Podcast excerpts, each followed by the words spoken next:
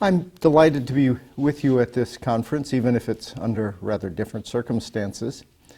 And I'm also very grateful for the assignment, which I've slightly retitled Freed to be Holy, but freedom and sanctification is, is our topic. As the Father is called a creator and the Son is called a redeemer, so on account of what is the Holy Spirit called a sanctifier, or one who makes us holy? In this way, Luther's Large Catechism informs readers who the Holy Spirit is by telling them what kind of goal his actions have and what he accomplishes. Luther continues just as the Son obtains lordship by taking possession of us through his birth, death, and resurrection, etc., so the Holy Spirit effects our being made holy through the following the community of saints, our Christian church, the forgiveness of sins, life everlasting, and the resurrection of the dead. Luther observed that Christ's acquisition and gaining of the treasure of all that he did for us in his suffering, death, and resurrection would have to remain hidden from us apart from the Holy Spirit's sanctifying work. Again, quoting Luther, it would have all been in vain, all lost. In order that the treasure might not remain buried but be put to use and enjoyed, God has caused His Word to be published and proclaimed, in which He has given us the Holy Spirit to offer and apply to us this treasure, this breaking of what bound us. For Luther, sanctification was not, first of all, a description of the kind of life we lead, but rather it defined our experience of what the Holy Spirit does to us and who He is for us. In the Small Catechism, Luther's treatment of sanctification in the Creed says about us only that we cannot, by our own reason or strength, believe in Jesus Christ or come to Him. Beyond that, it's the Holy Spirit who's acting in Luther's explanation. He's sanctifying, and Luther did not set forth expectations for human behavior as he explained the third article. He did, of course, as he explained the first article. Uh, God provides out of pure fatherly divine goodness and mercy without any merit or worthiness in us. For this I owe it to God to thank and praise, to serve and obey Him. So the life sanctified by the Holy Spirit, according to the explanation of the second article, is a life that Christ has taken possession of, so, quote, that I may belong to Him, live under His rule, and serve him in everlasting righteousness, innocence, and blessedness. And I do that on the basis of his resurrection. Luther's treatise on Christian freedom, which he composed as the climax of his four programmatic treatises in 1520, has been labeled his greatest work treating justification, perhaps apart from his larger Galatians commentary. I've written that myself a number of times. But this estimate actually ignores the fact that in it Luther discussed the Christian life under the power and guidance of the Holy Spirit a great deal. In fact, in this treatise, he did not discuss or distinguish justification and sanctification as distinct topics. He did write of the relationship of faith and works within the framework of his fundamental anthropological distinction of two aspects of human righteousness or human identity. And his treatise reflected the mindset sounded in the first of his 95 Theses. The entire life of the Christian is a life of repentance. For he had already come to the conclusion that Christians remain in combat with sin that resides in them, even though God has pronounced them righteous on the basis of Christ's death and resurrection. On Christian freedom presumes the axiom that the trust that the gospel elicits and sustains in believers will recognize that if God says that they are righteous, then they'll trust that they are righteous. Truly one righteous person in God's regard, but then also as a result in the practice of their identity as His righteous children. Christ's liberation, the topic of the treatise, serves to break the bondage of human thinking, willing, and acting to every kind of idol as it does death, uh, as it does to death, the captivity under which idolaters live, as it restores the righteousness and innocence of Eden in God's chosen people. The freedom from idols that captivates us and defines us as sinners comes through the work of Christ. It results in Luther's words in our being bound to those with whom he has placed us in human community. Perhaps bonded would actually be a, a better choice of words, but I think Luther felt compelled to demonstrate to critics from the ranks of the old faith that his understanding of justification by faith alone did not mean that Christians are free to do anything they wanted to, but free to do everything God wants them to. And so he turned to the language of bondage to uh, talk about our, uh, our obligation to be the kind of person that God has made us to be that flows from his recreative act. Luther might have chosen the language of freedom from and freedom for, I think, for being the freedom for being the creatures that God has fashioned in the first place in Eden. Freedom is a word of relationship. It demands a preposition. the German word for preposition is a relationship word. And it can take both from and for to describe the two relationships that we have because we're free. Christ's liberation from our captivating idols is repeated daily as the sanctifying power of the Holy Spirit drowns the old Adam in us. And Christ's liberation for true, uh, for true human living takes place as we, again quoting the small catechism, as we come forth and rise up to live before God in righteousness and purity that never ends. These two aspects or events constitute what the Wittenberg theologians meant by sanctification. Our life of sanctification stems first of all from being freed from the captors who lead us into idolatry of all kinds, as we seek to find or to bolster and preserve our core identity by depending on alternatives to our Creator in someone or something He has made.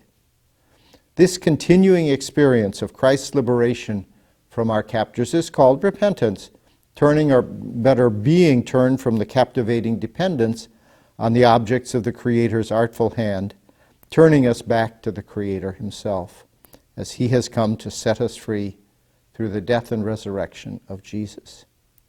The old Adam has been judged and eliminated from God's sight when He looks at us, but in the mystery of the continuation of sin and evil in the lives of the baptized people of God, the old Adam reasserts himself again and again, waving what St. Paul calls in Romans 7 the law of sin over our heads and weaving it into our hearts. It must be torn out, and its accusation and condemnation thrown away every day because it's like a cat with more than nine lives.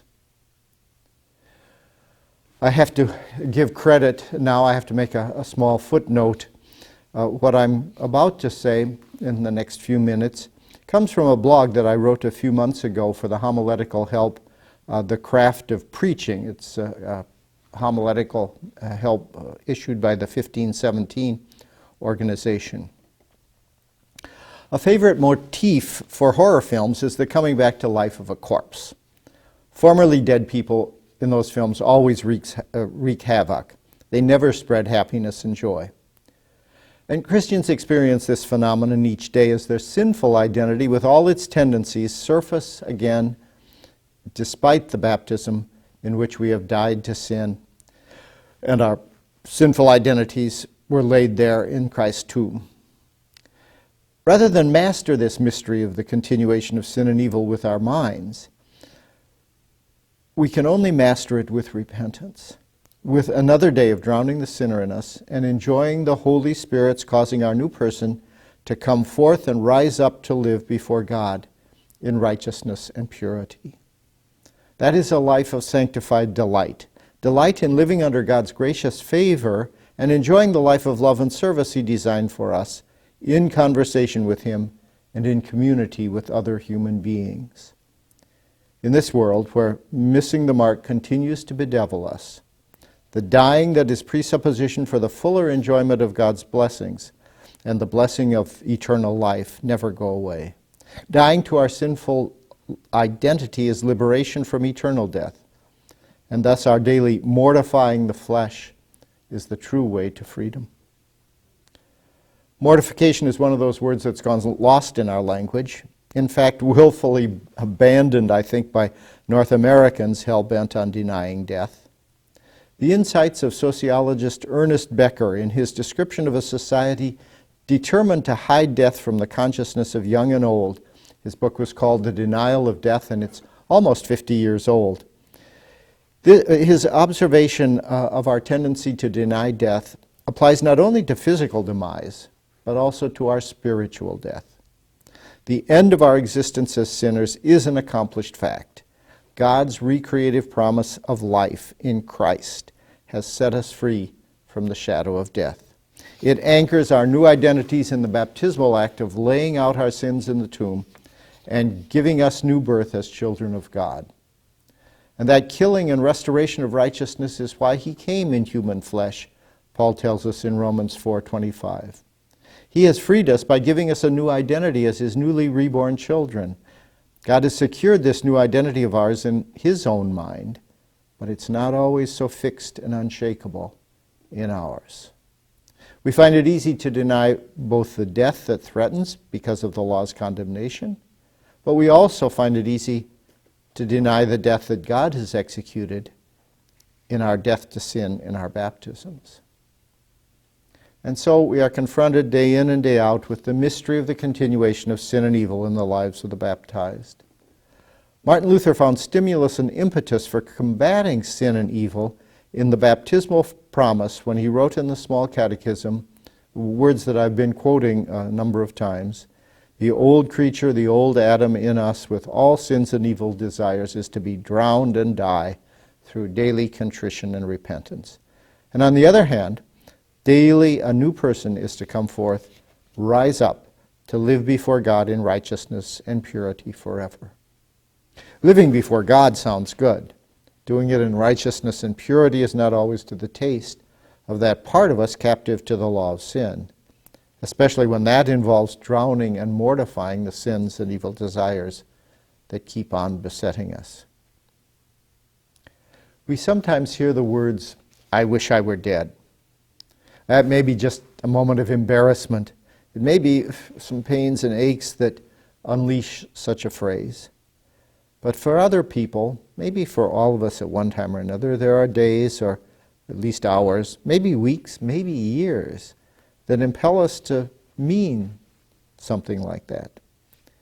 And even then, some of the sinful idols that govern our lives are giving us more than pleasure. They become sources of our identity, well springs of our sense of security and safety, cradles of the feelings that give our lives a notion of worth, of meaningfulness for who we are and what we do.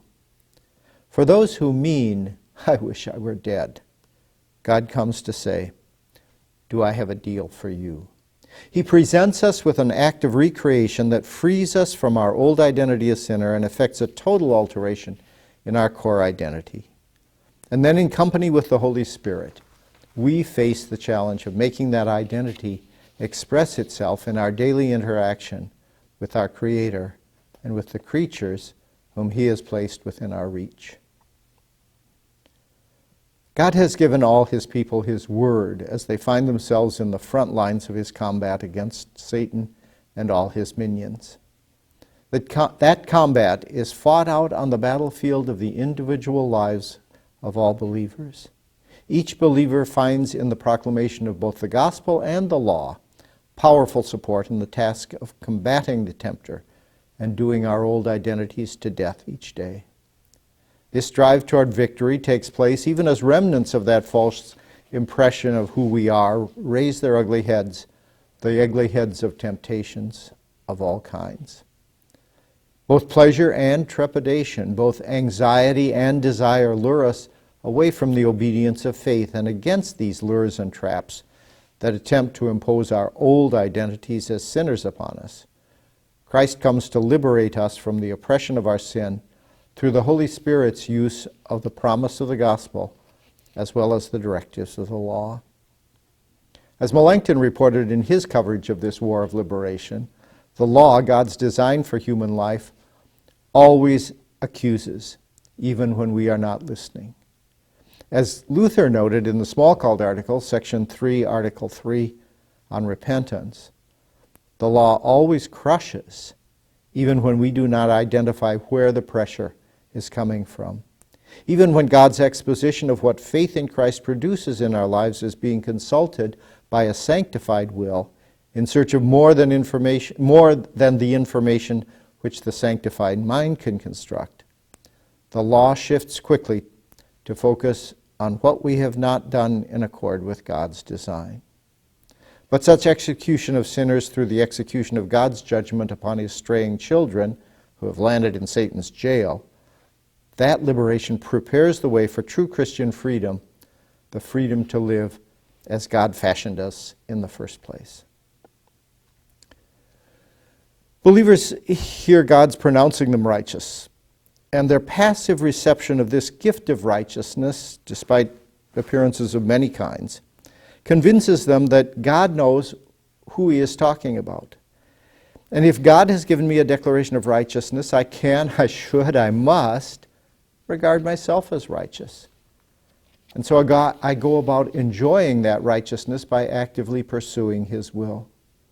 But the temptations continue to gnaw, lure, undermine, entice, ensnare. So, repeating the promise of new life in Christ, reiterating the gift of the presence of the Holy Spirit in our lives, retelling the story of Christ's death and resurrection, has the liberating effect of baptismally enlivening us and putting the fresh manifestations of the desires of our sinful selves to death. This repetition of God's design for our lives plays its role in mortifying the flesh and unshackling the child of God. We find ourselves captive to both sins of commission and sins of omission. The Holy Spirit unfetters us from their subtle powers by reasserting our identity as those freed for holy living and by pointing out the possibility for discovering new paths of exercising our freedom with directives and examples both general and specific. And from one another, we in the Christian church also seek models for identifying what in our lives is distracting us from trusting completely in Christ and what is luring us into abuses of our own humanity. For we need help and practice at identifying the source of the power of specific sins over us. We need to identify why some of those abuses are so attractive and why some things intimidate us to the point that we do not venture into specific ways of serving others and sharing the joys of the gospel. With sharper perceptions of what is fouling our nests, and why we enjoy contaminating ourselves with certain practices, or why we feel compelled to abstain from bringing the joys of service to ourselves and others. With a better understanding of those things, we can better dampen the fires that lure us into self indulgence and that scare us from aiding others. Christ has released us from captivity to the desires to stoke those fires. And finally, mortification looks forward to vivification the vivification that the Holy Spirit is yearning to enact in our lives. There dare not be left room for seven devils to enter into the spot where some sins have been cast out. God's word of liberation moves from the admonitions that kill to the life giving identification of us who hear it as children of God as He constructs the framework for new habits and dispositions that exhibit the gift of righteousness that defines the freedom to live in truly human, godly fashion. We aid each other in cultivating the replacements that fill the time and supplant the motivating forces that Satan has been claiming as his own and directing according to his destructive plans for us. In his large catechism, Luther described the emancipation of his people that Christ accomplished in his death and resurrection. He answered the question what does it mean that Jesus has become my Lord? By writing, it means that we have been delivered literally unfettered. And it means that He has delivered or unfettered and released me from sin, from death, from the devil, from all misfortune. Before this, I had no Lord or King, but was captive under the power of the devil. I was condemned to death and entangled in sin and blindness. For when we were created by God the Father and received from Him all kinds of good things, the devil came and led us into disobedience, sin, death, and all misfortune. As a result, we lay under God's wrath and displeasure, sentenced to eternal damnation, as we had merited and deserved it. There was no resource at our disposal, no help, no comfort for us until this only and eternal Son of God, in his unfathomable goodness, had mercy on us because of our misery and distress and came from heaven to help us. Jesus did come, and so Luther continues his story. Those tyrants and jailers have now been routed, and their place has been taken by Jesus Christ, the Lord of life, righteousness, and every good and every blessing. He has snatched us poor creatures from the jaws of hell, won us, made us free, restored us to Father's favor and grace. As his own possession, he has taken us under his protection and shelter, in order that he may rule us by his righteousness, wisdom, power, life, and blessedness. Let this be the summary of this article that the little word Lord simply means the same as deliverer, often translated redeemer. The word erlösen in German has the sense of loosing the bonds holding a prisoner. That is, he who has brought us back from the devil to God, from death to life, from sin to righteousness, and keeps us there. And this, this is the justifying turn from sin to righteousness, with the resultant sanctified life as the righteous child of God. So Luther goes on. The remaining parts of the second article of the Creed simply serve to clarify and express how and by what means this redemption was accomplished. That is, how much it cost Christ, and what he paid and risked in order to win us and bring us under his dominion. That is to say, he became a human creature, conceived and born without sin of the Holy Spirit and the Virgin so that he might become Lord over sin. Moreover, he suffered, died, and was buried, so that he might make satisfaction for me and pay what I owed not with gold or silver, but with his own precious blood. And he did this so that he might become my Lord. He did none of these things for himself, nor did he have any need of them. And afterwards he rose from the dead, swallowed up and devoured death. Those are two of Luther's favorite expressions he swallowed up and devoured death, and finally ascended into heaven and assumed dominion at the right hand of the Father. The devil and all his powers must be subject to him and lie under his feet until finally, at the last day, he will completely divide and separate us from the wicked world, devil, death, sin, etc. So, Luther is saying that Christ has obtained the victory to free us from captors of all kinds. His favorite list of Devil, World, and Flesh, a trio prominent in Christian thought for probably 1200 years at Luther's time, could be placed alongside the law's condemnation, the wrath of God, our guilt, our shame, our fear, as those things which bound us and kept us from God. Now, in addition to the images of liberation from sin, the uh, images of rebirth, our new creation as children of God, death under the law's condemnation, subsequent resurrection. Luther also used the biblical language of reconciliation to describe both this process of justification and the resulting sanctification that comes to us. One of the Latin words for priest is uh, the word pontifex, and pontifex literally means bridge builder. Well, our high priest has built the bridge that frees us from the perils of life on the other side, on the far side. And he leads us across the bridge that he has laid down as his own life over turbulent waters and leads us back to the Father. So we are escapees from self imposed alienation from, from his benevolent rule, and we land as refugees whom he integrates into our new homeland as he governs our way of life. Well, what is that way of life for which we, for which we are set free? What shape does freedom for genuine human living take? Luther's on Christian freedom was really a follow up on his two kinds of righteousness from the previous year and on his uh, on good works, which came a few months uh, earlier than on Christian freedom to the public eye.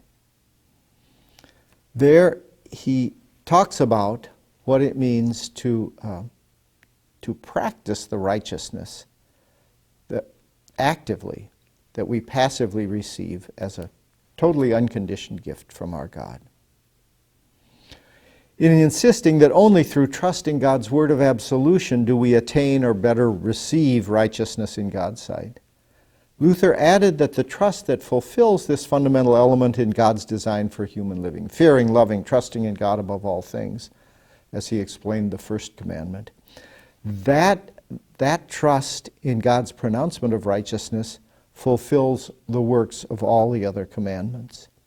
This trust, Luther asserts, and I'm quoting again, is born and preserved by preserving it by preaching why Christ came, what he brought and gave, and what are the needs and fruits that this reception entail. This kind of preaching occurs where Christian freedom, which we gain from him and which makes us Christians all kings and priests, is rightly taught. End of quotation. For the proclamation of Christ's liberation opens up true life by convincing us that God has rendered us righteous through Christ's death and resurrection, and through his own regard or reckoning, crediting of that work of Christ to our accounts. As Luther often noted, our own new life is like the origin of all that exists. God spoke, and reality came into being, comes into being, also in the words of absolution. What does this kind of trust really mean? Luther explained in On Christian Freedom the inner person, conformed to God and created in the image of God through faith, is joyful and glad on account of Christ, in whom all good things have been conferred upon such a person. Because of this, that person has only one concern to serve God joyfully with boundless love and with no thought of earning anything. While acting this way, immediately the inner creature offends a, a contrary will in its own flesh, one that serves the world and tries seeking after what belongs to it. Because the spirit of faith cannot tolerate this at all, it attempts with joyful zeal to suppress and coerce the flesh. End of quote. Here, Luther acknowledges the struggle that takes place over the disposition, the emotional state of believers. He focuses on the joy that comes to everyone who has been held captive under oppressors of any sort. Joy is not a word that has automatically been associated with sanctification in all Lutheran circles, but it is where Luther's focus falls. He, of course, unlike many of his followers in subsequent centuries, was an exuberant man with a personality filled with deep emotions, a personal disposition that led him to see more clearly than most people do, apart from the psalmists, perhaps both the darkness and horror of evil in, of all kinds, and the exaltation and exaltation that come with being acquainted with a God who loves us to death, his own death, a God who rose in glorious and magnificent triumph.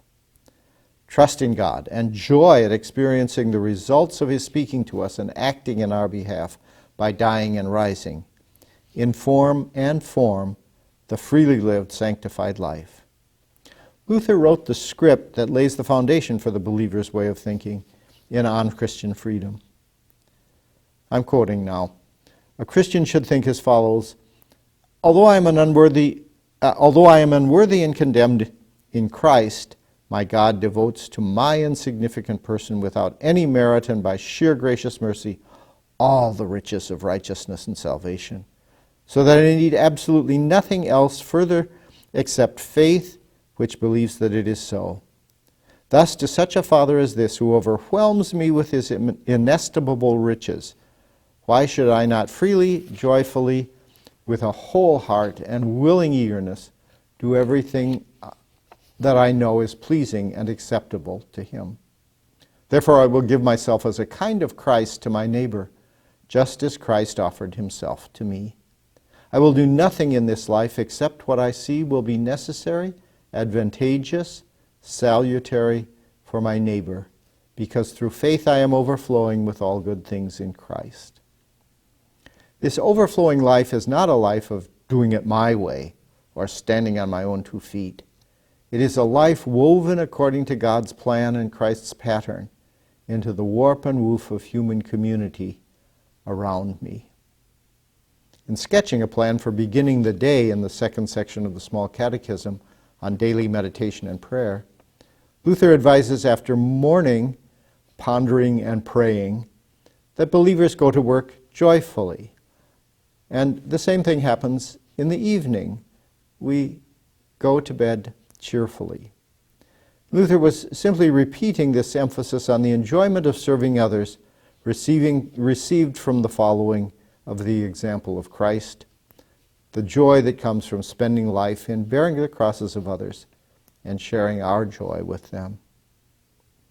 The English word satisfaction comes from the Latin making enough, and fulfillment means being filled to the top. It's interesting that the German translation of satisfaction is the word Zufriedenheit, at peaceness. Freedom to be human because Christ has liberated us from trying to create our own version of being human, so that he might give us freedom for enjoyment of his determination of what is enough for us, what truly fills us, what sets us at Edenic peace. That's the kind of freedom that truly uh, satisfies, fulfills, and sets us at peace. That peace we enjoy is the satisfaction of service to others in the fulfillment of emptying our lives of those things that block us from imitating our providing and protecting God. He is the one who nourishes us and gives us peace and joy by filling us with such things that we can give to others. Joy filled freedom is exercised within the horizons of human life set by our Creator. Believers do the works of God that God designed for the good human life. In Luther's words, quote, in compliance to God, out of spontaneous love, considering nothing else than divine favor to which the person wishes to comply most dutifully in all things. End of quote. He focuses more on the good works that bring joy in the horizontal dimension of life but Christians also recognize the joy and peace that come from praying, praising, and give thanks to God, and from gladly hearing and learning God's Word.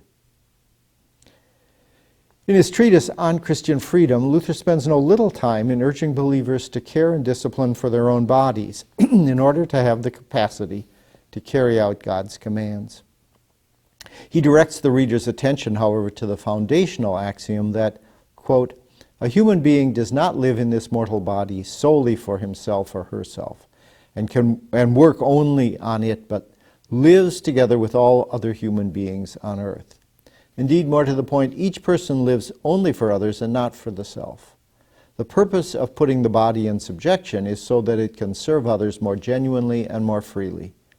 It can never happen that in this life a person is idle and without works toward one's neighbors. In all of one's works, a person should be shaped by and contemplate this thought alone to serve and benefit others in everything that may be done, having nothing else in view except the need and advantage of the neighbor. End of quote. This life of hearkening to the voice of our Creator, our Recreator, trusting that we have truly been freed from the bonds of sin and from the bonding of righteousness that places us into the, fa- and for the bonding of righteousness that places us into the family of God. That life God has claimed. And in that life, in this family, God has claimed the role of protecting and providing parent who, in whose image we have been made and remade and whose way of life joyfully reflects our status as members of his family. Luther sketched the nature and the framework of this life of his understanding of the structure of callings in, in the societal structures of his own time, although he altered that understanding, the medieval understanding, in several significant ways. And Luther also saw that framework for life in God's commands. And so in the small catechism, Luther provided for those who were going to make confession of their sins the way to use both frameworks for, uh, for confessing our sins. He said, reflect on your walk of life, on your calling in the various situations of life, and do so in the light of the Ten Commandments. And then he sketched the structure of Christian callings um, that, that shaped his whole table of Christian call, callings at the end of the Catechism. Uh, think about whether you are father, mother, son, daughter, master, mistress, servant, um, could have gone on, ruler, citizen or subject, um, member of a congregation, uh, leader of a congregation. And then he went on to summarize the commandments. Whether you have been disobedient, unfaithful, lazy, whether you have harmed anyone by word or deed, whether you have stolen, neglected, wasted, or injured any, anyone or anything. And so, in the positive side of the commands, Luther found the proper way to practice one's callings in life. And these are fields of freedom, the activities that express the freedom to be fully human for which Christ has set us free. The medieval understanding of society placed each individual in one or another of the three walks of life, or estates, we sometimes say, uh, situations of life. Luther came to argue that all people are placed in all three, or implicitly already in his small catechism, four, since he recognized that within the in the walk of life uh, labeled by medievals, the household, oikonomia, both family and economic responsibilities, were being treated. Furthermore, Luther used the term vocatio, vocation, calling, which had been restricted in, middle, in the Middle Ages to the walk of life labeled church, the ecclesia. He used this term calling as the proper designation for all the responsibilities we have in each of the situations of life. It's true that only Christians recognize them as callings from God. Others may find them the burden of community life, uh, at, at, any rate, of responsibilities. Offices is the word we sometimes use to translate that concept. But Luther recognized that God was calling us to serve one another in the structure of home and job and community and congregation. As an example of how Luther tried to cultivate this freedom for being truly human and for finding joy in serving others as one form of praise for our Creator, we might look at the economic aspects of the calling to be a faithful member of the oikonomia, the household. The explanation to the first commandment in the large catechism notes that among our most formidable captors which imprison us, in very cruel ways, is mammon. Luther writes There are some who think that they have God and everything they need when they have money and property. They trust in Him and boast in them, uh, in them, the money and property, and boast in them so stubbornly and securely that they care for nothing else. They too have a God, Mammon by name, that is money or property, on which they set their whole heart. This is the most common idol on earth. Those who have money and, and property feel secure, happy, and fearless, as if they were sitting in the midst of paradise. On the other hand, those who have nothing doubt and despair as if they knew of no God at all. We will find very few who are cheerful, who do not fret and complain, if they do not have mammon. This desire for wealth clings and sticks to our nature all the way to the grave. And we know from our Western societies today you can have a great deal of money and property and still fret and complain uh, and be very unhappy. And so Luther counsels clinging to God with one's whole heart as the only means of countering this idolatry. When we do that, we not only receive eternal good, but we come, become channels through which God blesses and provides for others and fills our lives and theirs with thanksgiving. In dealing with our callings in the economic sphere in the seventh commandment, Luther concentrates on the sinful abuse of God's material gifts, especially in the large catechism. Christ has come to free us from indulging in such sinful u- abuse of material blessings by setting our confidence on the God whose love has been proven in the cross and empty tomb. The conclusion of his explanation to You are not to steal reminds readers of the joys to be had in exercising economic responsibilities as the image of the caring and providing God. Quote, Anyone who seeks and desires good works will find here more than enough things to do that are hardly acceptable and pleasing to God. Moreover, God lavishes upon them a wonderful blessing, generously rewards us for what we do and benefit to befriend our neighbor, as King Solomon teaches in Proverbs 19. Whoever is kind to the poor lends to the Lord and will be repaid in full.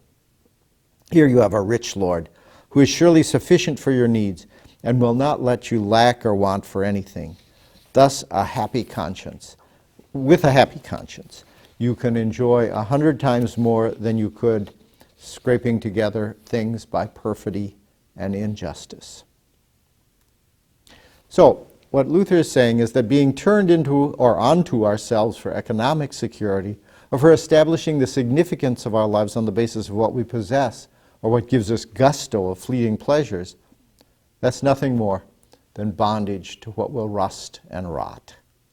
But according to Luther's explanation of the seventh commandment, that is what servants, employees in our culture, do when they, quote, waste things or are neg- negligent with them in order to vex and annoy their employers, or simply out of carelessness, he adds. Artisans, we would say plumbers, electricians, roofers, for example, both overcharge, and despite that, they are careless and unreliable in their work, he writes. Luther complains at the market and in everyday business, the same fraud prevails in full power and force. One person cheats another with defective merchandise, false weights and measures, counterfeit coins, takes advantages of the other by deception and crooked practices and crafty dealings. They swindle, fleece, skin, and torment their customers.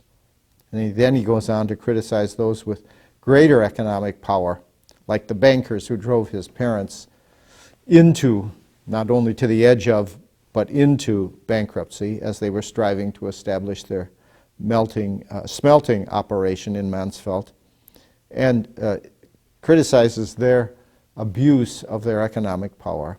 He also criticizes the abuse of courtiers, we would say bureaucrats, who gouge the poor with their taxing system.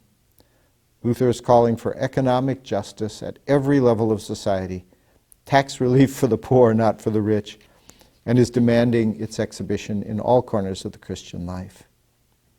And that means that Christ establishing himself as our Lord has freed us from every need to depend upon our own efforts and anything else in his creation. This freedom from such dependencies has freed us for the practice of righteousness that his death and resurrection have pronounced upon us. He has freed us from the compulsion to serve our own eternal life with good works and the compulsion to serve our to secure our daily life by amassing material blessings for ourselves. Also, my economic security lies in the one who, according to the Small Catechism's explanation of the first article of the Creed, has given me and still preserves my body and soul, eyes, ears, and all my limbs, my reason and all my senses.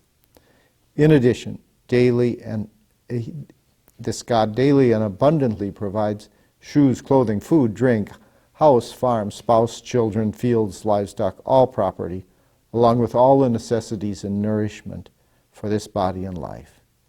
And even more, he protects me against all danger, shields and preserves me from all evil, out of his fatherly divine goodness and mercy, without any merit or worthiness of mine at all.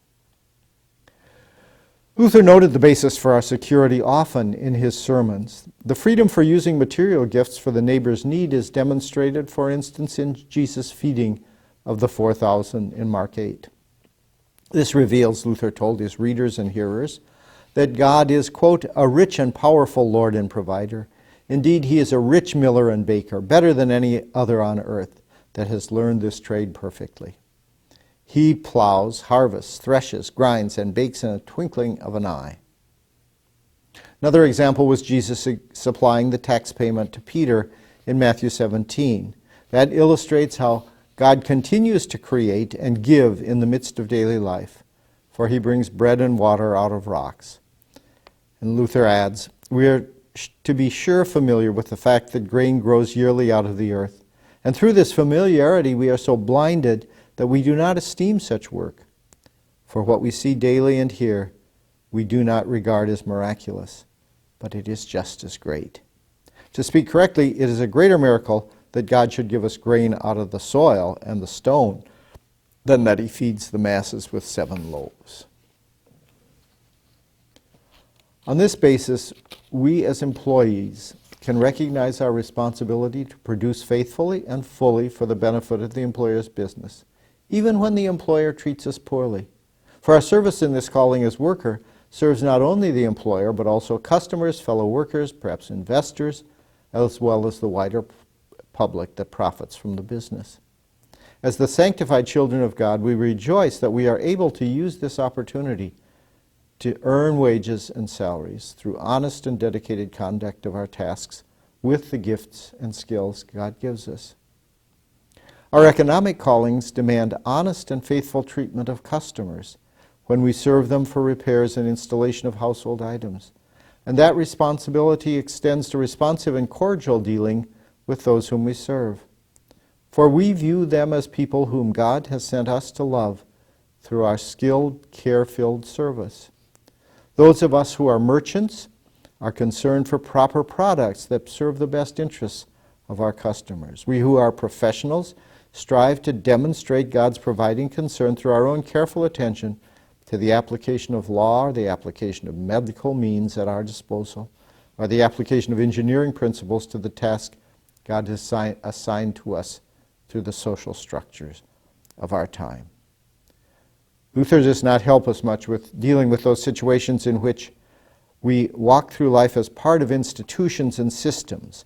He, he could criticize bankers for abusing their callings from God, but he didn't address how bankers already in his day were caught up in the larger system of developing capitalism.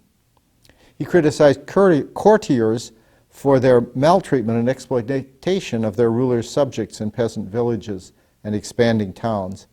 But he did not see the larger web in which they were trapped as early modern forms of government lurched toward the absolutist state of the 17th century.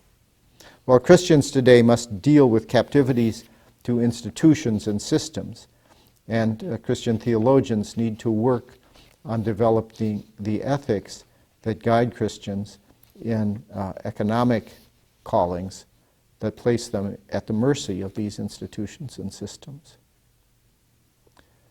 Furthermore, our material blessings provide us more formidable traps and cages, uh, for most of us at least, than Luther's contemporaries. Disposable income is always an invitation to turning in upon ourselves in self indulgence. The crying needs of the poor in, in lands around the world challenge us in the richer lands to responsible exercise of our callings as consumers and our accountability for the gifts God has given us to, uh, to think about what we're called to do with what we have been ble- with that which uh, uh, is a blessing from God, our income and our property. Christ's assurance that God has freed us from every captor that turns us in upon ourselves permits us to live the life of freedom that takes joy in serving others, not only with direct face to face service, but with cold cash contributions that meet human needs thousands of kilometers away. Such examples could be multiplied in every walk of life. In our families, we are freed from the need to protect ourselves so that we can truly sacrifice for spouses, children, parents, and other relatives immediate and more distant. As citizens of our municipalities or our counties or of our nations, we can joyfully pay taxes for the common good and cast votes for those who seek the welfare of the city as God commands in Jeremiah 29. As members of the congregation, we recognize that we are called to support and love those who worship and serve with us as God's closer family and give time and dedicate skills and time to the common joy in the gospel that we enjoy together. Christ has freed us, set us free from every captor that turns us in on ourselves, so that we are freed for the life truly sanctified by the Holy Spirit. That life grasps the full enjoyment of our humanity, the fulfilling and peace bestowing satisfaction that results in our living with total confidence in his liberating gift of life after existence under sin's dominance and Satan's lordship had been squeezing the life out of us. Since Christ has set us free, every aspect of our lives, even in the struggle with the law of sin each day, can be free indeed. Thanks be to God, we freely say through our Lord Jesus Christ, who through his victory over our captors has liberated us for today and eternity. This is the ultimate significance of our sanctification. Thank you.